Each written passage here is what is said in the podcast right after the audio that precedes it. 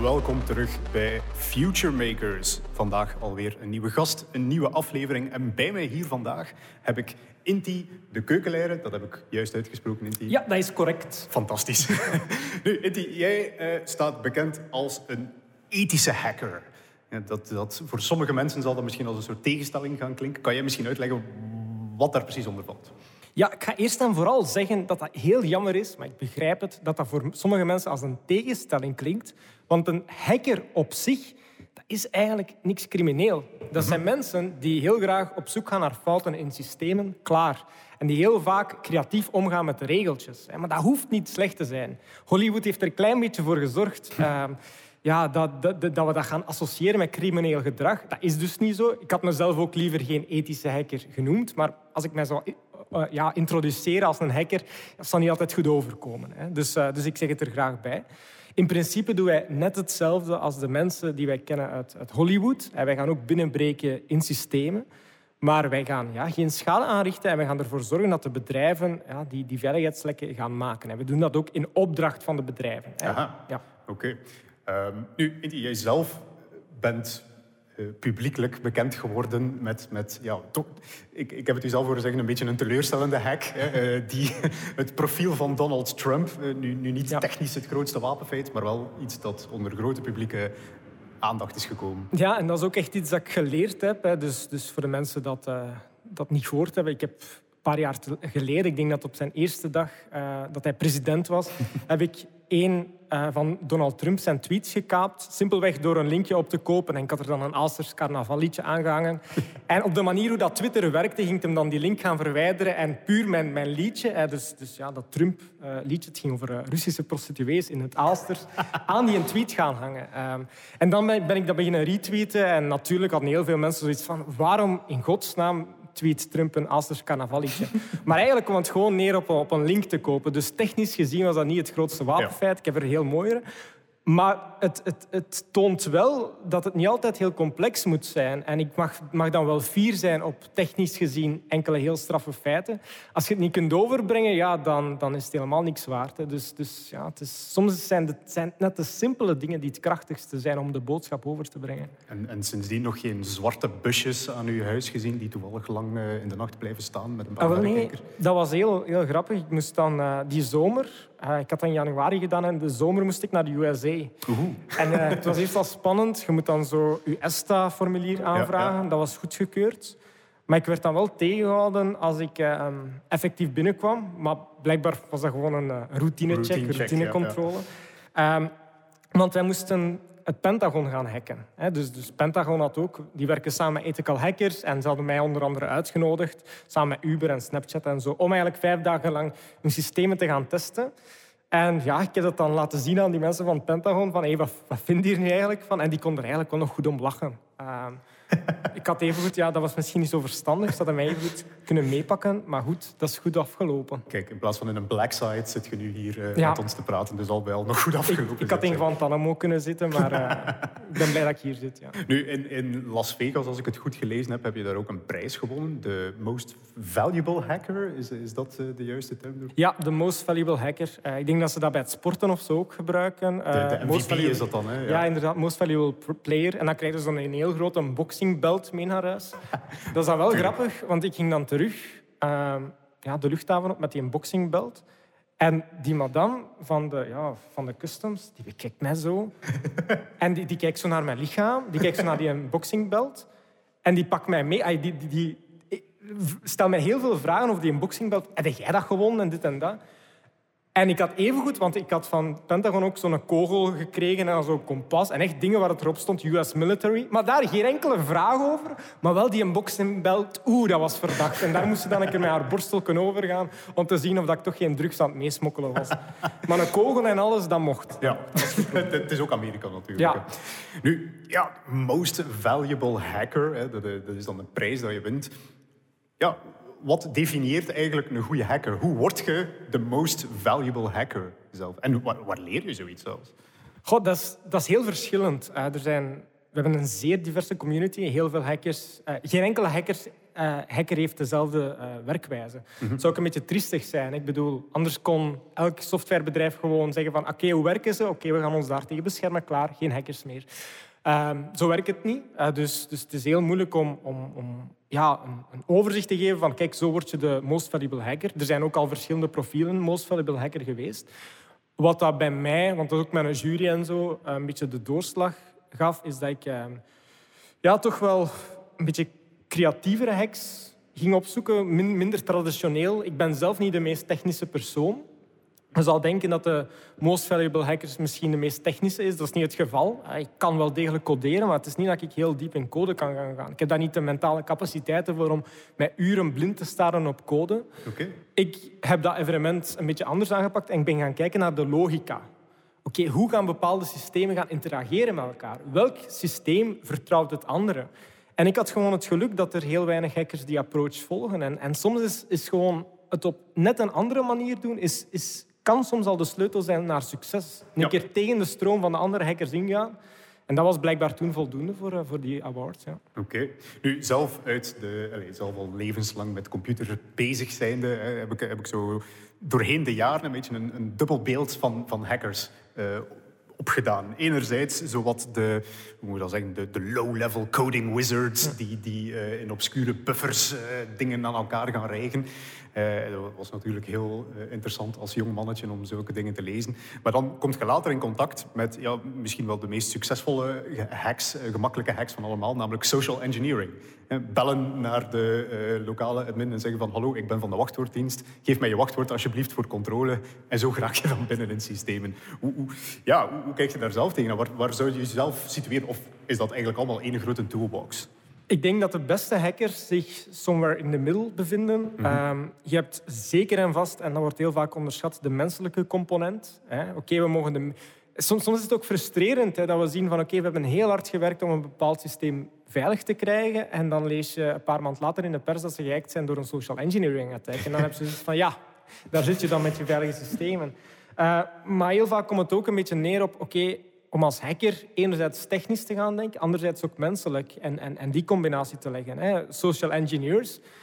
Ondertussen werken die mails, gelukkig maar, hè, van, van de prins uit Nigeria een stuk minder. en, en moeten ook social engineers heel vaak zich gaan beroepen op, op technische dingen. Um, soms is dat heel simpel, bijvoorbeeld het heel overtuigend maken van een e-mail. Het doen lijken op het feit dat het van iemand afkomstig is, hè, dat zelf de domeinnaam knopt. Want heel, ja, mensen gaan ook heel vaak kijken naar, naar bepaalde regeltjes. Hè. Komt het van een bepaalde domeinnaam? Oké, ja, dan, is, dan is het legit. Dat is niet altijd het geval. En dat, daar is een heel technische reden voor. Maar dat is, ja, vanaf dat dat technische aspect ja, involved is, zeg maar, is het heel moeilijk om uit te leggen aan die mensen. Ja. iedereen denkt gewoon, oké, als je naar een website gaat, heel veel mensen denken nog, als ik shop online en er staat HTTPS en een, een groen sleuteltje, dan is de website veilig. Ja, maar dat is de realiteit. En dan zitten wij, ja, maar hè, ja, uw verbinding is veilig, maar de website op zich misschien niet. En dat zijn misschien zelfs nog de grotere challenges uh, waar dat we misschien nog niet genoeg ons best om doen om die op te lossen. En dat is, hoe maak je die dingen bespreekbaar bij de general public zonder dat je te technisch gaat? En daar zit nog een serieuze gap, denk ik. Ja. Nu, het doet mij ook denken aan... Uh, mijn, mijn vader is hoofd IT in een ziekenhuis ook soms wel eens een doelwit voor uh, malafide hackers. En ik, ik, herinner me nog goed dat een praat. Mijn, mijn vader is er superveel mee bezig om, om IT-technisch alles goed te zetten. Die, die geeft opleidingen aan zijn mensen om zeker te zijn van dat die geen... En dan blijkt dat daar toch iemand in een secretariaat uh, een redelijk gedetailleerde instructies opvolgt zonder enige aanleiding dat die te vertrouwen zijn. Maar die kreeg een e-mail binnen en, en die volgde de instructies. En voordat het weet hadden ze een hele ransomware-attack uh, op hun voeten ja, de mens lijkt daar toch... Is dat niet een, een onvermijdelijke zwakke schakel? Zeg maar, de, de mens in heel het systeem. Ja, maar ik denk ook niet dat we het altijd op de mensen mogen steken. Uh, ik denk, we mogen... Ik probeer altijd om het, de persoon die zoiets heeft binnengebracht niet rechtstreeks kwalijk te nemen. Je moet naar de bigger picture kijken. Heb je voldoende geïnvesteerd in, in education, hè, mhm. preventie? Mm -hmm. Maar anderzijds, en, en daar geef ik heel graag een sneer naar Microsoft... Uh, technische mensen maken het niet altijd... Die, die gaan nog veel te vaak van de veronderstelling uit van oké, dit is de verantwoordelijkheid van de eindgebruiker. En als je dan opeens ziet van ja, als je bijvoorbeeld een Word-document gaat openen, er komt daar bovenaan wel een, wel een snelle warning van oké, ja, kan, kan mogelijk gevaarlijk zijn. Maar als je dan ziet hoe dat hackers daar, of, of mensen die, die fishen, uh, daar proberen rondwerken, dan is mijn vraag, oké, doet Microsoft nu eigenlijk wel voldoende mhm. om het tegen te gaan? De realiteit is dat ze heel veel doen om het tegen te gaan, maar allemaal technisch en misschien nog te weinig voor de eindgebruiker. Um, ja, is zo'n pop-upje wel, wel voldoende? Hè? Is het is niet beter om, om weer te geven van kijk, dit kunnen de consequenties zijn, dit en dat. Natuurlijk, ja, het is een beetje een, een, een, een, ehm, een discussie over verantwoordelijkheid. Je zou ook de netwerkadministrator kunnen kwalijk nemen dat mensen macro's kunnen openen op een computer bijvoorbeeld. En dat gebeurt heel vaak dat we de bal gewoon doorspelen, maar dan komen we nergens. Nu, om even een stapje terug te nemen, Inti, uh, ja, jezelf bent dan hacker, eigenlijk al van op jonge leeftijd, uh, heb, ik, uh, heb ik dan al begrepen. Hoe begin je met zoiets? Ja, ik, ik, kan me voorstellen, dit is voor het YouTube-tijdperk. Ik vermoed dat er ondertussen al heel wat educatieve YouTube-filmpjes zijn die, die de beginselen bijbrengen, maar... Ja, toch stouten mensen. Er is veel meer informatie out there dan toen ik bijna tien jaar geleden begon. Ik, ik was uh, vijftien. Um, maar toch struggelen mensen met hetzelfde probleem. En dat is dat, dat het in het begin heel steep lijkt. Je kijkt, je kijkt naar andere hackers en je denkt van ik ga nooit alle kennis kunnen vinden om, om, daar, om, om hetzelfde te gaan doen. En, en je ziet ook dat, dat niet elke community even inclusief is voor beginnelingen. En dat is, dat iets waar wij ook heel hard aan werken om het inclusief te maken. Uh, want eigenlijk is het gewoon, bij mij was dat gewoon, ik heb mijn kerstvakantie lang zitten, dingen zitten proberen, proberen, proberen, niet buiten komen. Maar na de tiende keer dat het mislukt, is de kracht om blijven door te gaan. En heel veel mensen haken af. Je kunt je kunt niet verwachten dat je een Google of een Apple na, na een week of na twee weken gaat kunnen hacken of, of geldige kwetsbaarheden gaat vinden. Soms ga je daar, in het begin ga je daar maanden over doen. Maar de power zit hem in de mensen dat kunnen zeggen van oké, het is misschien niet gelukt wat ik geprobeerd heb, maar ik heb het wel geprobeerd en ik heb iets nieuws geleerd. Heel veel mensen gaan zichzelf gaan evalueren op is het nu gelukt of niet. Maar dan ga ik je moeten teleurstellen. Het gaat lang duren voordat je het onder de knie hebt. Want het is echt het is moeilijk uit te leggen. Het is een vingerspitse gevoel. En, en voor mij is dat ook. Soms vind ik wekenlang niks. Hè. Ik neem mezelf dat niet kwalijk. Ik, op het einde van de dag ga ik, ga ik nadenken, wat heb ik geprobeerd? Dat, was dat cool? Ja, oké. misschien lukt het een andere keer.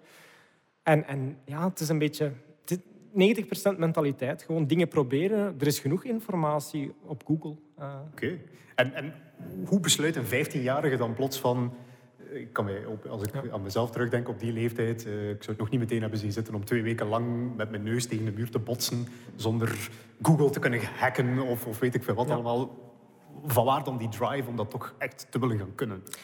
Ik denk dat, zeker op een bepaalde leeftijd, dat iedereen wel graag vals speelt. Allee, misschien ben ik veel aan, aan het veralgemenen, maar bij mij was dat toch het geval. Uh, ik zat ook in de jeugdbeweging en zo en ik vond vals spelen altijd toffer dan, dan gewoon het spel meespelen. En ik, ik vond ook, je werd daar vaak op afgerekend dat je hebt vals gespeeld, maar Eén keer per jaar hadden we zo'n spel waar, waar dat de bedoeling was om vals te spelen, maar je moest daar gewoon heel clever mee, mee omgaan. En dat vond, dat vond ik altijd het leukste moment. en hetzelfde met spelletjes. Ik bedoel, maakt niet uit hoe dat je wint. Als je wint, is, is het cool. En, en, en vals spelen is soms super, super ja, is, is soms leuker dan het spel zelf. Uh, zolang dat het creatief blijft, Zolang je geen mensen gaat bedreigen of dit of dat of, of, of whatever. Uh, bij mij was het ja, eigenlijk door een miskoop begonnen. Ik wou heel graag Mario Bros spelen, maar mijn moeder had mij voor kerstmis uh, een PlayStation Portable gekocht. Ik ben daar nog altijd heel dankbaar voor. Moeder, als je aan het luisteren bent, het is geen miskoop. Maar ja, ik, ik, ik wou Mario spelen en ik had dat blijkbaar niet door, dat, dat dat voor dat systeem niet ging. En op YouTube had ik dan wel gezien dat er iemand in geslaagd was om het te doen, maar niet voor mijn versie. En de eerste weken dacht ik, ja, iemand zal het wel doen voor mijn versie. Maar dat kwam maar niet. En dan heb ik zoiets gehad van, oké, ik zal het dan zelf wel zoeken. En per accident een veiligheidslek gevonden. En ik wil daar zeker niet te veel credits voor gaan claimen vandaag. Dat was echt, ja, om het, uh, pardon my French, dat was oere chance dat ik dat gevonden heb. Um, maar goed, ik, ik heb het gevonden en, en ja, dat heeft mij wat een opportuniteit gegeven om in dat wereldje te stappen. En mensen hebben achteraf aan mij moeten uitleggen wat ik precies gevonden had. En dat was gewoon, dat, was zo kicken voor mij om daar zo mee te kunnen uitpakken van ik ben de enigste in de wereld dat deze versie van PlayStation Portable gehackt heeft. Dit is ongelooflijk cool. En zo beginde. En nooit meer gestopt. Kijk, eh, dat, dat, hebben we toch al gemeen, want bij, bij mijzelf, de PlayStation Portable is ook mijn eerste aanraking geweest. Ik ben er dan niet verder in gegaan, uh, maar mijn eerste aanraking geweest met de, de hackingwereld en, en het uh, manipuleren van, van buffers enzovoort. Dat was, ik heb de uitleg erachter gelezen en dat was een hele nieuwe wereld die voor mij openging. Ik wist niet dat er mensen waren die zo diep in systemen gingen gaan graven om daar al de geheimen uit te, uit te vissen en zo. Het ding is, soms wordt het heel persoonlijk. Ik heb dat onlangs nog maar eens gemerkt. Um, ik ben nu opnieuw bezig voor een, voor een wedstrijd, van thuis uit weliswaar. Normaal gezien worden wij overgevlogen. En als het zo even niet lukt, ja, dan wordt dat iets mij versus dat systeem. En dat is heel raar, maar dan probeer ik zo dingen en dan kan ik respect hebben voor het systeem. Van, mm, daar heb ik aan gedacht, maar heb je hier aan gedacht en dat en dat. En ik vind dat, ja, ik vind dat zo'n toffe exchange soms met, uh, met systemen. En ja, je, moet, je moet jezelf een beetje kunnen verplaatsen in, in, in, in, de, uh, in de geest van een ontwikkelaar. Van, oké, okay, mm -hmm. Stel, op vrijdagmiddag hebben ze dit er nog rap moeten bijzwieren. Wat gaan ze vergeten zijn? Ja. En ja, soms is dat gewoon... Ik, zeg, ik heb het al gezegd, mijn beste hacks die vind ik als ik niet voor mijn computer zit. Als ik in een douche sta en denk van, dat is niet gelukt. Oké, wat gaan ze nu vergeten zijn? En dan kom ik van onder een douche en opeens lukt het allemaal. Mm -hmm.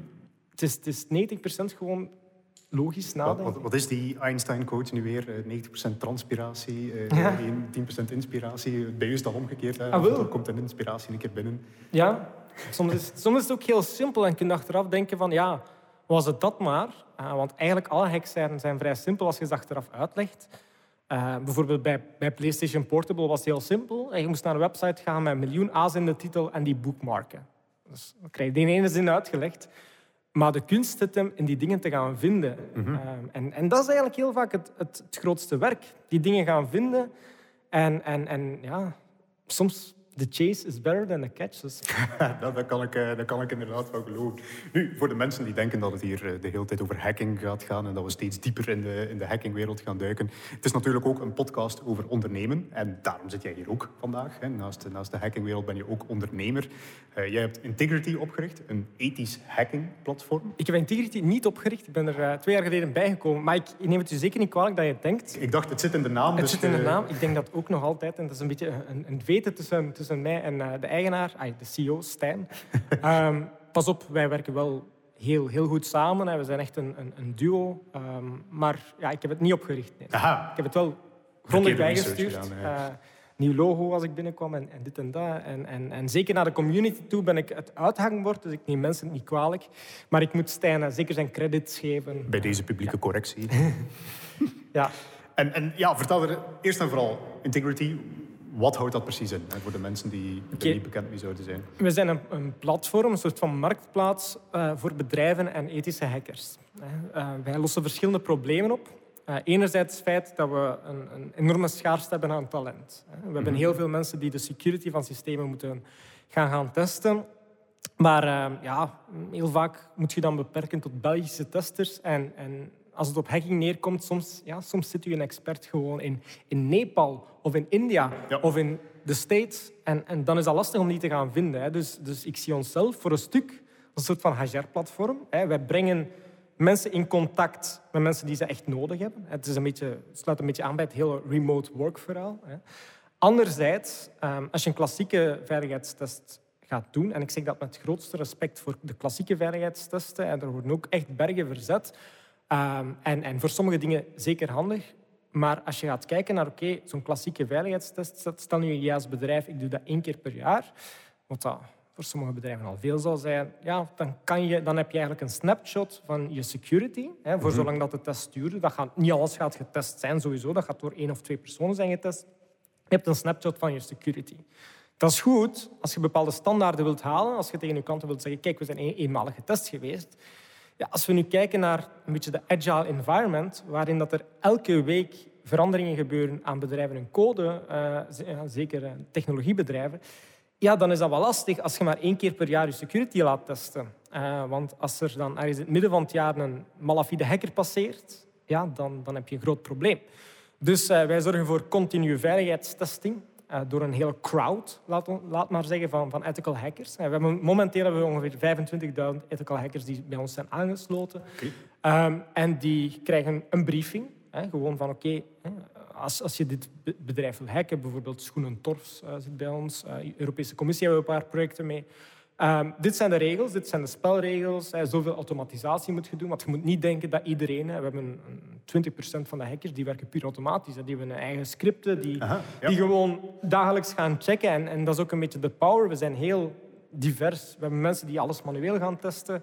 En daarover staan dan beloningen. Hè. Uh, de grootste beloning die je kan verdienen op ons platform is 50.000 euro voor één lek. Dat is wel heel uitzonderlijk. Um, maar, uh, waar, waar, moet je daarvoor zijn? Ja, wel, maar je, je, moet het wel vinden natuurlijk. Publiekelijk, ik denk, want we hebben privéprogramma's, hè, mhm. enkel beschikbaar voor echte tophackers, hè, waaronder dat die 50.000 euro valt. En dan heb je ook nog de publieke programma's.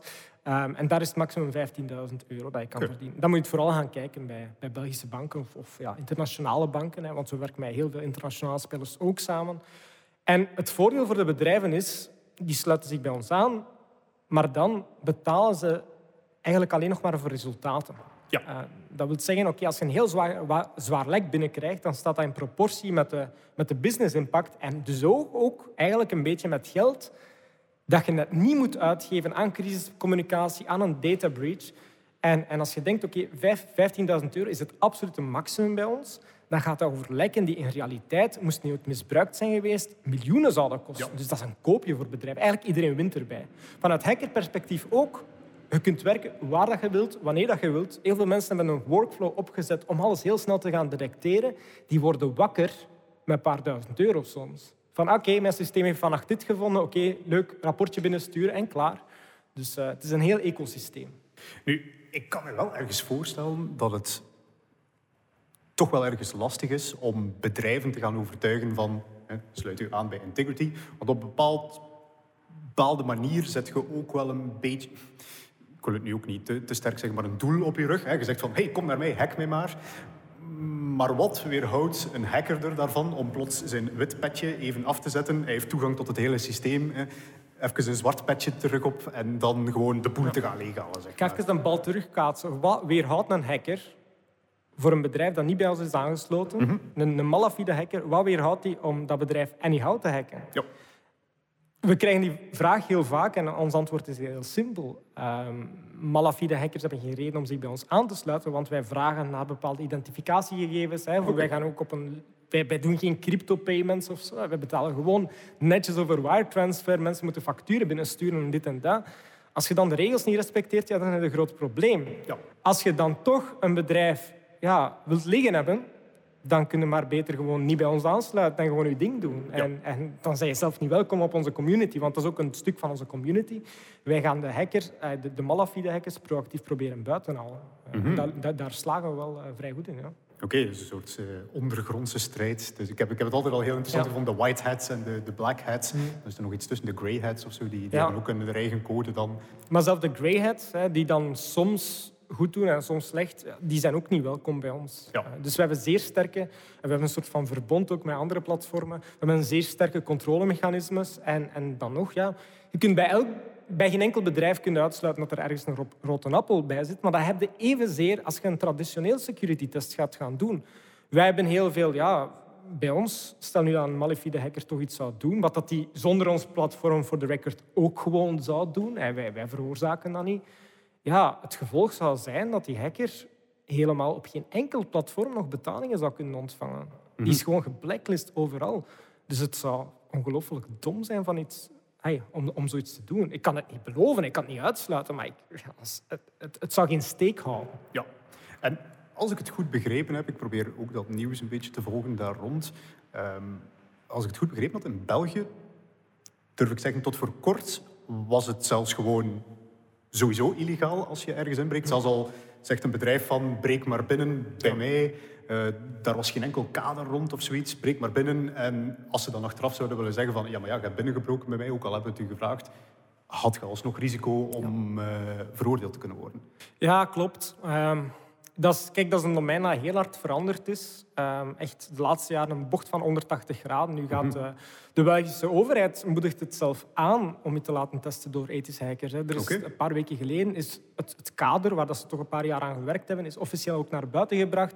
En is echt al een advies geworden. En als je kijkt naar Amerika, hè, want heel veel dingen waaien over, daar is het voor IoT-toestellen verplicht om een programma te hebben voor ethische hackers. Dat wil niet zeggen dat je, dat je iets moet betalen. Maar dat wil wel zeggen, als ik vandaag een smart TV ga kopen, er moet een officieel proces zijn voor mij, als ik als consument bepaalde kwetsbaarheden vind, om die te gaan melden en om die op te volgen. Ik denk dat dat een van de next big things gaat zijn hier voor, voor IoT-bedrijven, dat die een policy daar rond moeten hebben. Want ik vind het niet meer als normaal dat als consument ja, je koopt iets, iets met, met een micro of camera, dat je dan een keer uit elkaar mocht vijzen, bij wijze van spreken, zien hoe dat, dat ding werkt. En het meest belangrijke, als je dan iets vindt dat niet naar behoren werkt of niet veilig genoeg is, dat te kunnen gaan signaleren. Een paar jaar terug was dat een heel ambetante situatie. Zelf al had je goede bedoelingen en, en zou je per accident op iets stuiten. I've been there. Hè. Ehm, ik had bij een heel grote sociale netwerksite hier in België uh, een veiligheidslek gevonden. Eén van de 25. Ja, ja, ondertussen bestaan ze niet meer. Je kunt misschien wel aanraden, maar ik. Ja, ja, ja. ja, um, maar ja, ze bestaan toch niet meer. Maar ik had iets gevonden omdat ik iets wou integreren. wat, wat, ik was er eigenlijk niet naar op zoek en ik dacht, oh, oh jee, hoe ga ik dit melden? Ik heb het nooit durven melden, omdat ik gewoon die mensen niet kende. En, en, en ik had zeker geen slechte bedoelingen, maar ja, het melden alleen is al een schuldbekentenis voor iets waar je eigenlijk gewoon de beste bedoelingen mee had. Nu is dat gelukkig anders. En die mentaliteit in een rechtszaak... Ja, je hebt de letter van de wet en je hebt hoe dat ze wordt uitgevoerd. Uh, zou denk ik geen steek meer houden als je kunt bewijzen van oké, ik heb uit goede intenties gehandeld. Maar ja, je kunt wel nog altijd voor de rechter gedaagd worden. Het gaat je nog altijd geld kosten. Dus uh, we zijn er nog niet, maar uh, het gaat de goede richting uit. Oké, dan, dan, is dat toch wel al een positieve evolutie geweest, dat we, dat we het nu gewoon kunnen aanmoedigen in plaats van eh, stiekem ja. onder de tafel misschien toch nog gaan veroordelen als we er zin in hebben. Nu, ja, ik vind, ik vind het heel interessant dat je zegt ook die, die IoT-devices, want daar heb ik de laatste tijd ook al heel veel over gelezen. Dat, we zien ze steeds meer verschijnen in ons dagdagelijks beeld. We zijn er steeds meer data door aan het pompen. We hebben onze smartwatch aan die onze biometrische informatie bijhoudt. Waarschijnlijk binnenkort eh, medische toestellen die ook nog eens verbonden zijn met uw smartwatch om uw insulineniveaus in de gaten te houden enzovoort. Maar tegelijkertijd hoor ik dan ook van die devices zijn niet uh, up to the security standards die we zelfs in de rest van de IT-wereld hebben. En zelfs daar zijn genoeg kwetsbaarheden te vinden.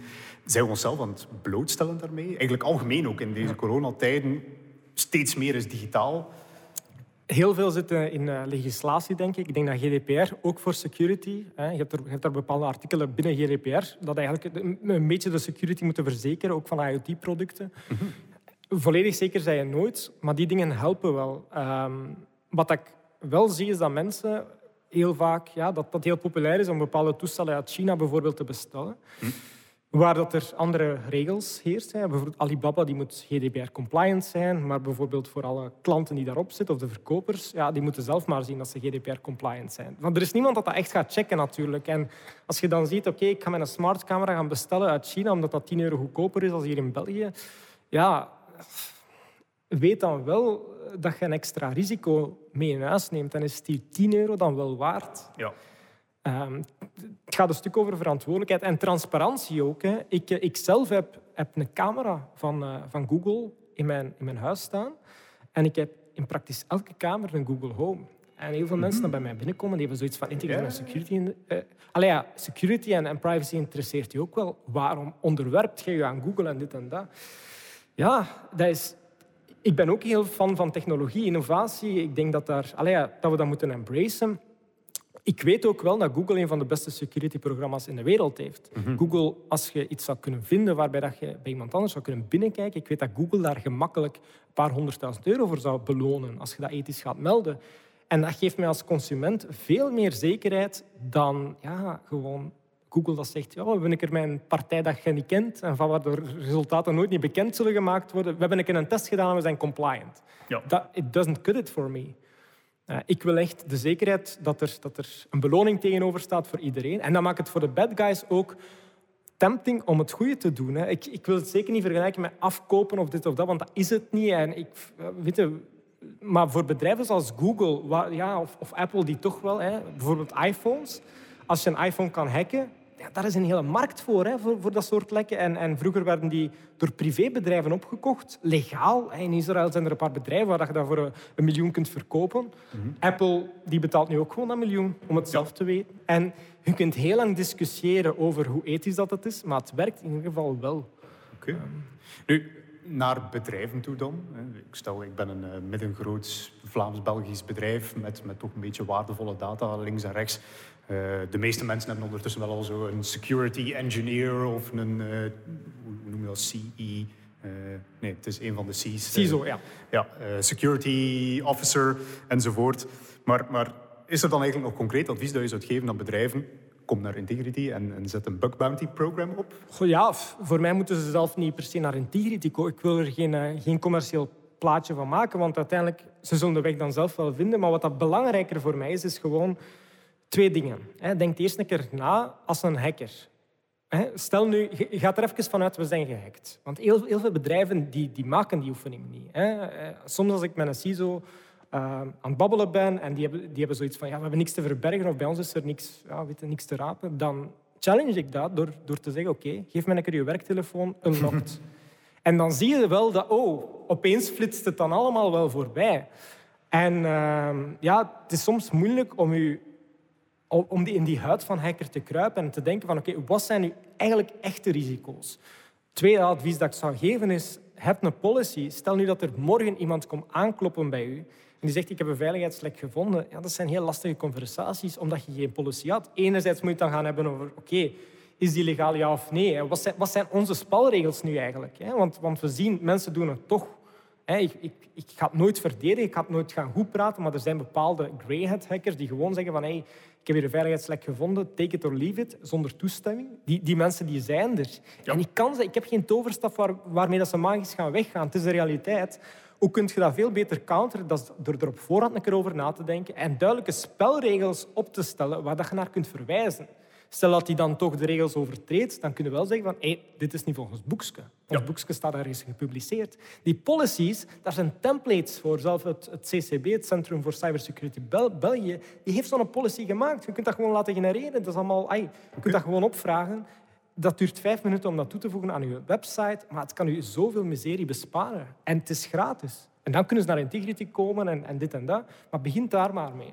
Mhm. Ja, ik zeg, hoor u, ik hoor u advies geven ja, rond damage control en, en what-ifs.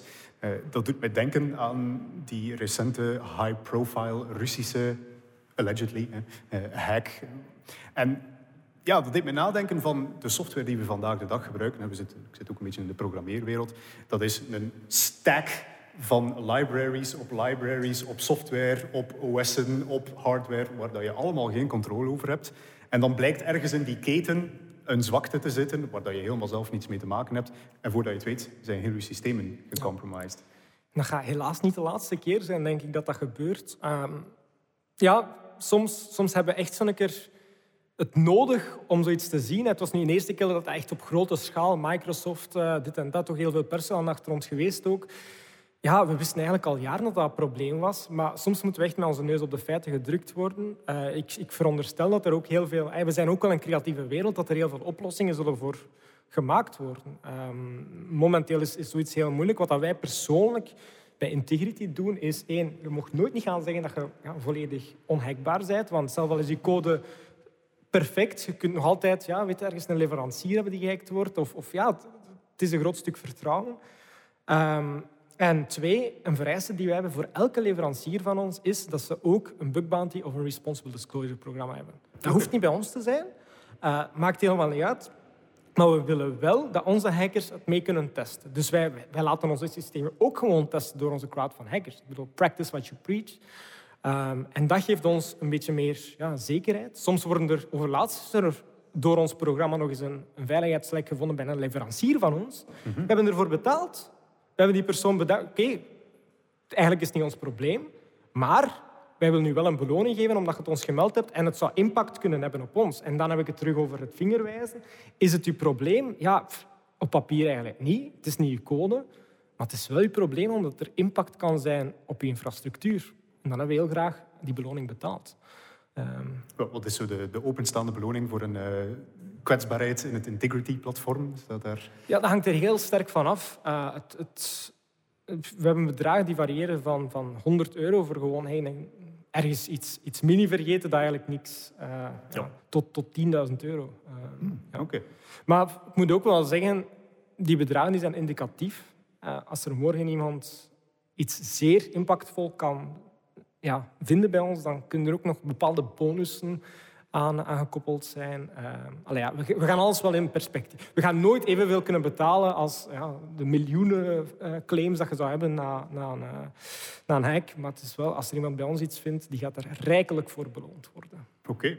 Nu, als ik, als ik zo de, de hackingwereld, heel, heel, heel het wereldje daar rond bekijk, sinds mezelf als jonge snaak, merk ik dat er moet het zeggen, een zekere mate aan professionalisering aan het gebeuren is in de hackingwereld. Vroeger uh, het I love you virus en creatieve dingen die eindeloze kopieën maakten van bestanden om je uh, harde schijf vol te steken. Dat hebben we dan zo'n beetje zien evolueren naar de opkomst van ransomware. Echt wel voor financieel gewin dingen gaan hacken. Nu zijn de overheden er zelfs al mee bezig om elkaar te gaan hacken. Hebben wij, maken we nog een kans op den duur, denk je? Goh, ik, ik probeer altijd positief te blijven. gaat het makkelijk zijn? Nee, Zeker niet. Um, heel veel mensen denken zich ook te verschuilen achter... Oh ja, maar we hebben frameworks die alsmaar veiliger worden en we hebben topsoftware. Een van de ergerlijkste dingen dat ik kan horen ergens in de pitches. Nee, wij zijn niet vatbaar voor hackers, we hebben antivirus. en dan, ja, maar dat is de realiteit heel vaak. En dan denkt je van, oei, ja, we hebben nog een lange weg te gaan. Um, die dingen gaan niet oplossen. En heel soms, veilige software ja, om je product veiliger te houden, die hebben ook problemen. En, en bijvoorbeeld, ik heb al zaken geweten waarbij dan een, een WAF, een Web Application Firewall, hè, voor een systeem, de oorzaak was van een veiligheidsprobleem, omdat dat op een bepaalde manier dingen deed. En, en uiteindelijk ja, veroorzaakte dat veiligheidsprobleem. Dus, dus we mogen daar ons niet achter verschuilen. Het is belangrijk dat we, dat we die dingen doen en implementeren. Maar het gevaar bij dat soort dingen is dat we te veel blindelings vertrouwen. Ik, dat doet mij denken trouwens, met dat je zegt uh, van, van een antivirus. Ik herinner me nog een virus die meekwam met een ingebouwde antivirus om andere virussen buiten het systeem te gaan houden. Dat vond ik dan een van de mooiste dingen dat ik ooit gezien heb in, een, ja. in malware. Ja, en soms is het ook... soms zijn, zijn onze criminele collega's ook echt wel heel clever. En, en dat is een beetje een rare sector, maar soms moet je daar ook gewoon... Ja, ja respect is, is misschien een raar woord, maar soms hebben ze zo wel iets van dat is heel slim geweest. Ja. Bijvoorbeeld nu ook die, die SolarWinds hack, waar je het zo net over had. Ja, dan denkt je wel van, tjie toch, daar hebben ze ons liggen. Um, en, en, en dan moet je daar ook professioneel op kunnen. Je kunt daar kwaad over zijn, maar dat gaat niks helpen aan het probleem. Uh, je moet een beetje in, in de huid van die mensen kunnen kruipen. En ja, soms een keer in overleg gaan. En een keer kijken over, over het muurtje, hoe dat ze het doen. Misschien een keer infiltreren om te zien van oké, hoe zit het hier? Uh, het is een spelletje. Zo, ja, ik zei het daar straks al, die, die overheden zijn de laatste tijd ook steeds meer bezig met uh, allerlei hackingactiviteiten. Ik herinner me nog, uh, er zijn zo twee high-profile malware attacks geweest, vooral dan in het Midden-Oosten, Stuk, Stugnet en Duku, als ik me niet vergis. Ik heb daar toen de analyse van gelezen van dat virus en ik, ik ja, toen, toen zakte de grond zo wat weg onder mij, omdat het echt was van, wow, dit is, dit is next level. Hè. De, was het nu weer? De hash collision, waarvan dat we dachten, dit is mathematisch onmogelijk. Daar heeft een of andere overheid genoeg in, middelen in geïnvesteerd om, om dan hè, toch via dat achterpoortje binnen te geraken in zelfs industriële systemen. Ja, daar, daar hebben wij als gewone sterveling toch... Ik, ik, ik heb altijd zo nu het gevoel gehad de laatste tijd van als ze, als ze u willen hacken, dan zijt je sowieso geschaald. Ja, het probleem is ook dat er heel weinig gevolg aan gegeven wordt. En natuurlijk, mm vroeger als je ergens een land ging binnenvallen, bij wijze van spreken, dat is heel duidelijk. Ze staan daar opeens met je tanks op je grond. Ja. Ze kunnen achteraf niet gaan ontkennen. Hè. Ja. Je kunt daar een foto van trekken. Nee, hè. gewaardier. Bij hacks is het een stuk moeilijker. En dan wordt er heel vaak wel met de vinger gewezen naar een bepaalde overheid of een bepaald land. Maar daar stopt het dan ook heel vaak. Um, en, en ja, Amerika heeft... heeft um, en dat, dat, is een van de dingen waar ze op cybergebied de afgelopen jaren wel iets logisch hebben gedaan, vind ik. Is een van de eerste ja, grote staten geweest dat er echt um, represailles aan, aan, aan, heeft gekoppeld. En ik denk dat we nog veel meer moeten gaan nadenken over cyberpolitics in, in de toekomst. Gelukkig zijn we in België met een paar heel slimme mensen daarmee bezig. Maar het zal nooit genoeg zijn. Ehm, en we moeten ervan uitgaan dat ze eigenlijk al binnen zijn. Mhm. Hoe griezelig dat het ook lijkt. Hè. Ehm, maar dan ook beginnen nadenken van oké, hoe kunnen we zelf misschien offensief gaan? Oké, gaan, we, gaan we naar een nieuwe koude oorlog waarbij dat, uh, dat er in plaats van spionnen in Berlijn... Ja, dat is lastig, hè, want ja, over ethiek, ik zeg het, ik noem mezelf ook een ethische hacker en dit en dat, maar over ethiek valt er ook veel te zeggen. Hè. Jij Mhm. gaat misschien denken dat ethiek dat dat andere bepaalde dingen zijn. En, en, en met, met cyberdiplomatie hetzelfde. En, en het wordt tijd dat een keer met heel veel mensen de koppen bij elkaar gaan steken. Bijvoorbeeld als je wordt aangevallen, hè, geeft dat je het recht. Bij sommige landen is dat zo. En dan heb je, in sommige landen heb je dan het recht om, om terug te gaan hacken. Hè. Maar dan zijn we vertrokken. Hè. Dat zijn dingen waar dat we... Heel moeilijke vragen waar dat we niet, ja, niet, niet mogen negeren. Waar dat we het over, op zijn minst een keer over moeten hebben. Want ik wil niet wachten tot het te laat is. Ja. Dat, dat is heel vaak het geval. Van, oei, ja, dat, dat hadden we nu al jaren kunnen zien aankomen, maar we waren aan het hopen dat het niet ging gebeuren. Nu is het gebeurd en nu hebben we geen plan. Dat is eh, ja, dus, dus het, het zit ergens ook een beetje in de, de, de afspraken maken onder landen. Want ik, ik heb zo'n beetje de indruk dat het tot nu toe zo'n beetje fair game was. De, was het weer? Belgacom was gehackt en dan bleken een paar van onze bondgenoten daar ook, eh, eh, door ook in gezeten hebben van, van ah, oh, kijk, ja. Ja, een beetje, nooit meer doen. A little doen. spying under friends. eh. Ja. Ja, maar dat is... Ja, ehm, dat is heel lastig. Ja, ik, ik heb daar ook niet... Ik ben niet de persoon, en je moet dat van jezelf ook weten, dat daar de juiste antwoorden voor gaat hebben. Want ik ben goed in wat ik doe, maar ook een kleine subset daarvan. En ik, ja, je- soms krijg ik ook gewoon vragen van en wat denk je dat, dat we moeten doen met deze cyberoorlog en dit en dat. Ik denk dat een van de waardevolste antwoorden dat je dan soms kunt geven als je het niet weet, is letterlijk, ik weet het niet. Ja. En er zijn vast wel mensen die, die het beter gaan weten of betere oplossingen hebben. Ehm, ja, dus als expert moet je soms ook de bals kunnen hebben ehm, om het met een eh, misschien seksistisch woord te zeggen, maar zeker niet zo bedoeld, ehm, om, om te gaan zeggen van ja, kijk, sorry, beter bij iemand anders. En dat is ook iets wat ik moeten leren heb, eh, he- hebben na jaren. Hè. Je, je hebt het al gezegd, ik ben meermaals in de pers geweest. Ja, momenteel ga ik heel vaak, als ik iemand ken dat er een beter antwoord op kan geven, ik stuur de mensen door. Hè. En ik denk, zo bouwt je sterk netwerk op. Hè. Vroeger wou ik heel graag vaak zelf in de pers komen om, om die titel van ethische hacker toch wat bekender te maken. Nu ben ik in een fase gekomen dat dat eigenlijk niet meer hoeft voor mij. En, en heel, heel vaak andere mensen liever in de spotlights wil, wil zetten, eh, die het misschien gewoon beter weten. En dan moet je van jezelf kunnen zeggen, zij weten beter, klaar. Oké, toch dank u dat je hier zit Ja, ja, om ja. een uitleg te doen in een, eh, in een kleine podcast. Kijk, de, de mensen gaan het ondertussen al beu zijn, maar ik zit zelf ook in de AI-wereld. Ik praat graag over artificiële intelligentie, ik kan er niet aan doen. Ja. En eh, in, in mijn branche zie ik nu ook stilletjes de rol van AI in cybersecurity aan het, aan het opklimmen. Hè. Dus er, er wordt steeds meer gesproken over zowel langs de verdedigende kant als langs de aanvallende kant. Hoe ziet je de toekomst daarin? hè? Is, zien, gaan we naar een toekomst waar, waar white hat AI's het moeten opnemen tegen black hat AI's en dat de mensen maar langs de zijlijn aan het toekijken zijn? Ehm, goh, ik denk dat de, de AI-sector een beetje hetzelfde probleem heeft als de, de security sector. En dat is dat het in de films allemaal veel indrukwekkender is dan, dan het echt. Moet zeggen wat ik van AI gezien heb op security vlak. Maar Nee, dat, ligt er, eh, volledig aan mijn verwachtingen. Van We de- zijn er vandaag nog niet, dat mag nee, ik dat eh, stelt mij zeer hard teleur. Gaan we daarin verbeteren? Ik denk het wel. Ik denk dat we eh, zeker erin moeten investeren, want uiteindelijk komt het allemaal neer op tijd. Ik denk nu niet dat AI alles voor ons gaat oplossen, maar als het ons een paar minuten kan schelen die soms echt heel kritisch zijn, let, let's do this. Ik denk dat, dat het, de kunst van de AI de eerste jaren zal liggen in het directeren van cyberaanvallen, eerder dan het eh, gaan oplossen van alles of het succesvol gaan verweren. hè. Gewoon er als eerste bij zijn, dat is stap één. Stap twee zal misschien zijn van oké, ik heb nu bepaalde code, waar zitten de kwetsbaarheden? Je hebt daar bepaalde scanners voor.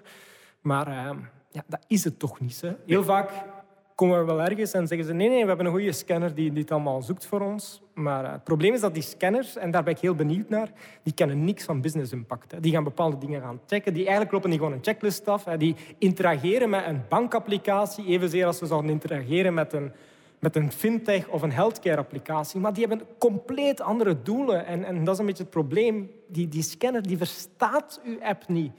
En dat is waar dat mensen, ik denk toch de komende jaren nog een groot verschil kunnen maken, is die app verstaan, weten wat dat de logische componenten zijn. De technische componenten onderling gaan misschien een stuk veiliger zijn dankzij AI.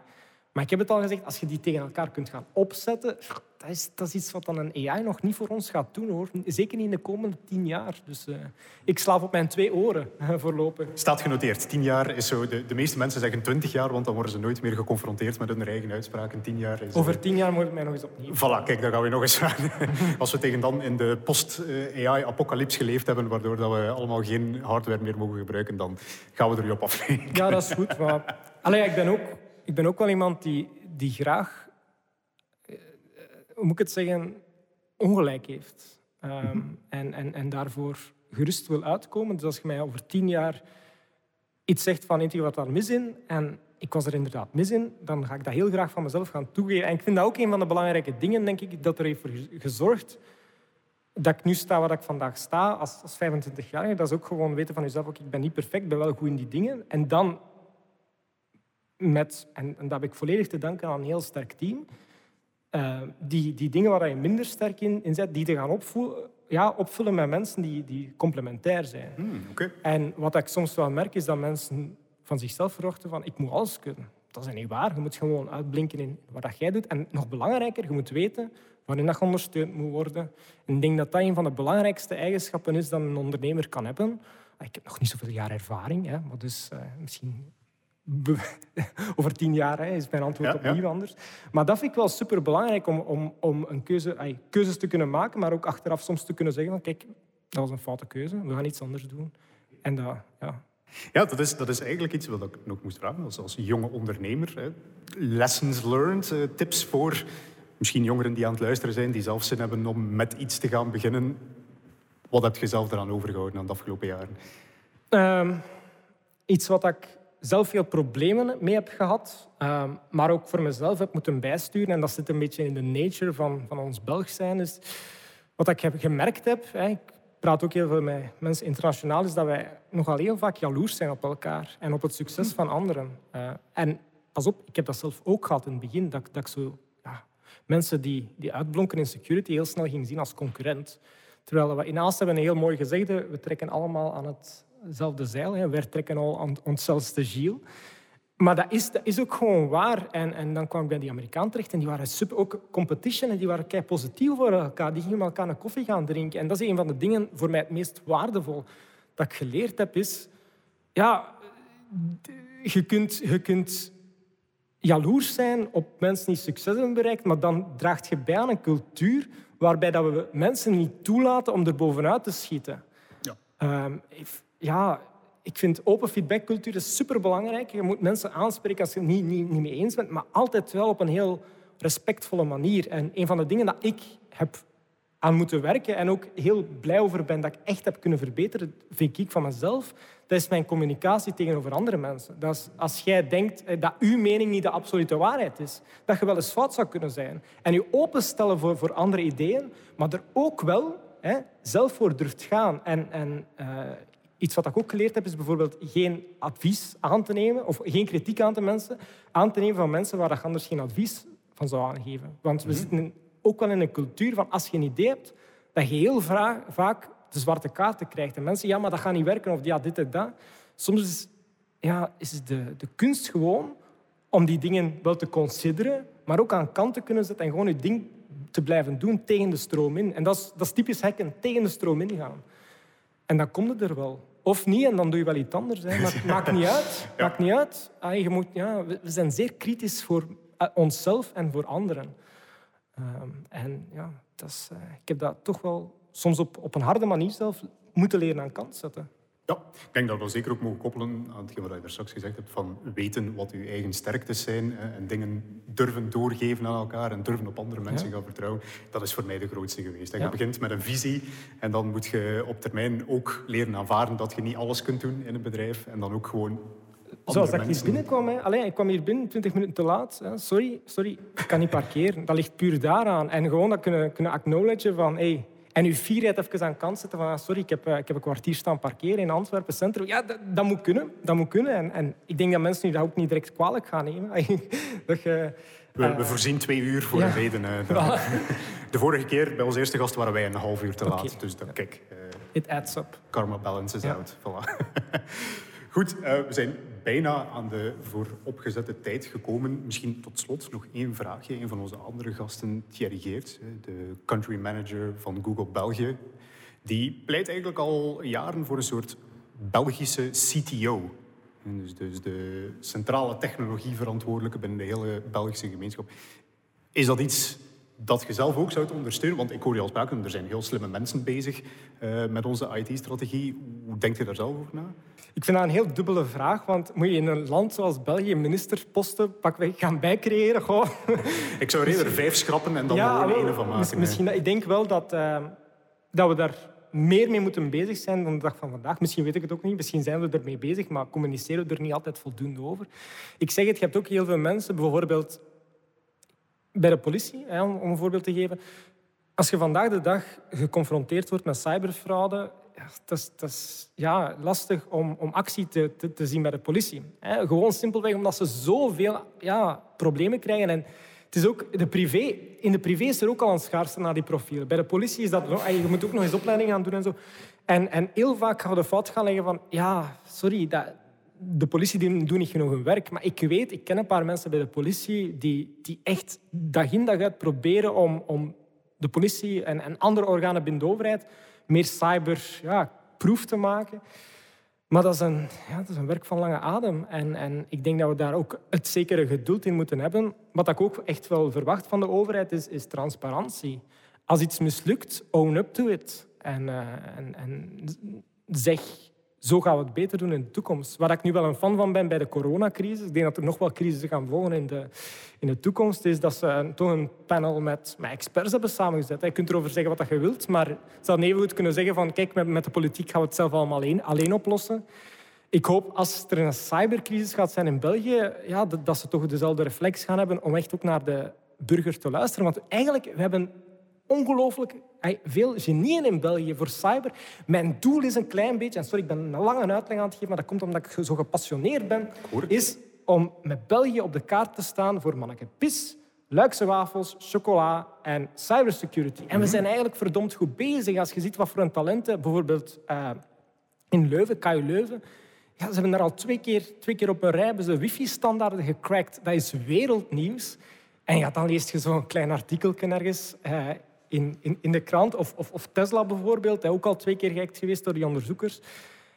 Eigenlijk hebben we heel veel ongelooflijk goed talent. En ik hoop dat we genoeg beseffen wat voor talent dat we in huis hebben. En ook echt het voldoende gaan inzetten.